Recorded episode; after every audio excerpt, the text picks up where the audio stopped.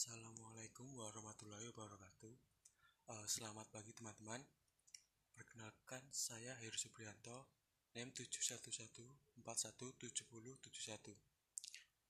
Di podcast ini saya ingin menjelaskan sedikit mengenai Omnibus Law yang pada awal tahun ini sempat ramai dibicarakan dan menjadi topik yang hangat di kalangan tenaga kerja dan pengusaha.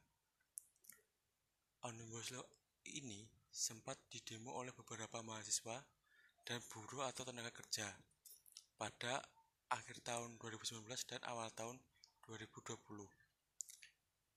Kenapa Omnibus ini sempat didemo? Hal ini dikarenakan Omnibus Law RUU Cipta Kerja bidang ketenagakerjaan menurut pendemo dan tenaga kerja dirasa akan merugikan tenaga kerja dan menguntungkan pengusaha saja. Karena dalam RUU Cipta Kerja bidang ketenagakerjaan membahas atau mengatur mengenai pengupahan, PHK, cuti, dan kemudahan membuka usaha baru bagi para pengusaha. Pertama, mengenai pengupahan. Pada pasal 88C RUU Cipta Kerja ada di, ada beberapa poin penting yang membahas tentang upah. Pertama, gubernur menetapkan upah minimum sebagai jaringan pengaman. Kedua, upah minimum sebagai dimaksud pada ayat pertama merupakan upah minimum provinsi. Pasal ini mungkin menghilangkan upah minimum kabupaten atau UMK.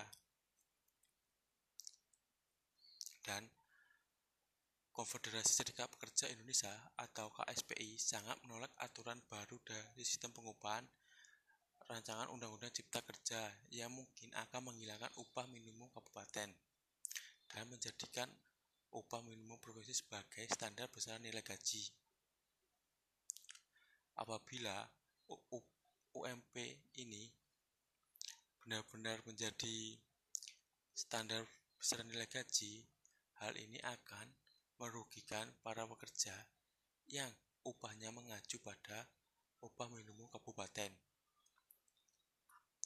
karena UMK atau upah minimum kabupaten atau kota lebih besar dari upah minimum provinsi.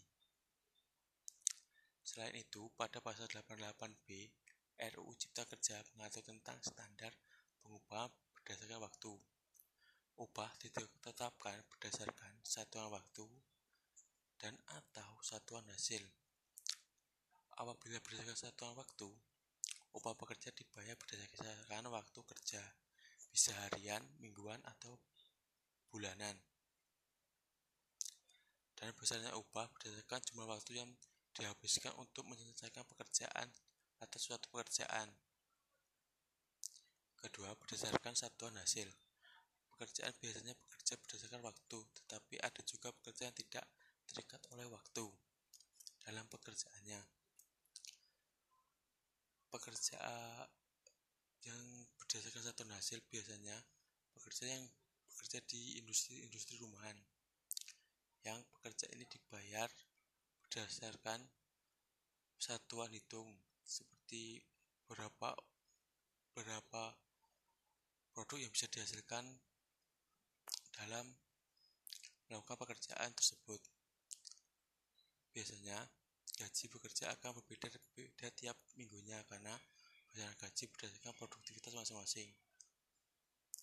Pasal ini ditakutkan akan menjadi dasar dari upah per jam. Kemudian ini bisa berakibat pada perusahaan memperlakukan jam kerja yang panjang. Selanjutnya, dalam pasal 15 4A RUU Cipta Kerja penjelasan mengenai pemutusan hubungan kerja atau PHK itu ada beberapa alasan. Pertama, perusahaan melakukan peleburan, penggabungan pemisahan perusahaan, atau pengambil alihan perusahaan. Kedua, perusahaan melakukan efisiensi. Selanjutnya, RUU Cipta Kerja mengubah beberapa ketentuan cuti dalam pengubahan ketentuan cuti ini tenaga kerja perempuan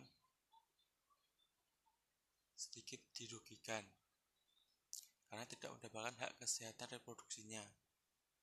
Karena dalam pasal 93 huruf B menghapus izin untuk keperluan pernikahan, mengurus pernikahan, menikah, menikahkan, melahirkan, atau ada salah satu keluarga meninggal, dan pasal 93 huruf A yaitu menghapus cuti khusus atau izin tak masuk saat haid pertama bagi perempuan. Nah, hal ini yang sangat tidak disukai oleh tenaga kerja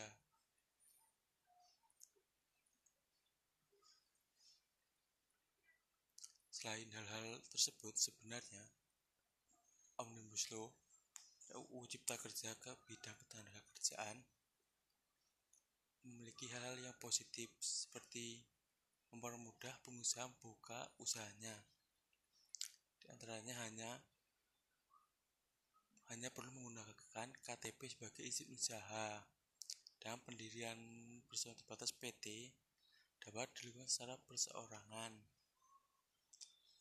pengusaha tidak lagi dipidana karena dasar lagi dipidana atas atas kecurangan melakukan usahanya tetapi mereka harus mengganti dengan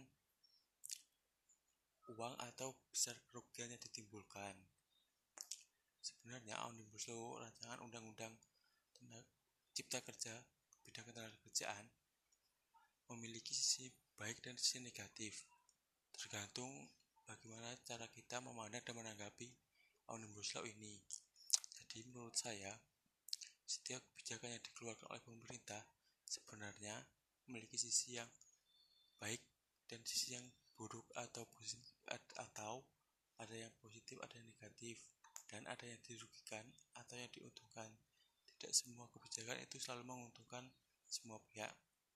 Jadi dengan adanya Omnibus Law ini, menurut saya jangka pendeknya memang akan merugikan tenaga kerja, tetapi jangka panjangnya akan sangat menguntungkan semua pihak. Sekian untuk persen saya hari ini. Untuk podcast ini juga kurang lebihnya saya mohon maaf kalau ada lebih itu datanya bukan dari saya tetapi datanya dari Allah dan kalau ada kurangnya datanya itu dari saya. Terima kasih. Wassalamualaikum warahmatullahi wabarakatuh.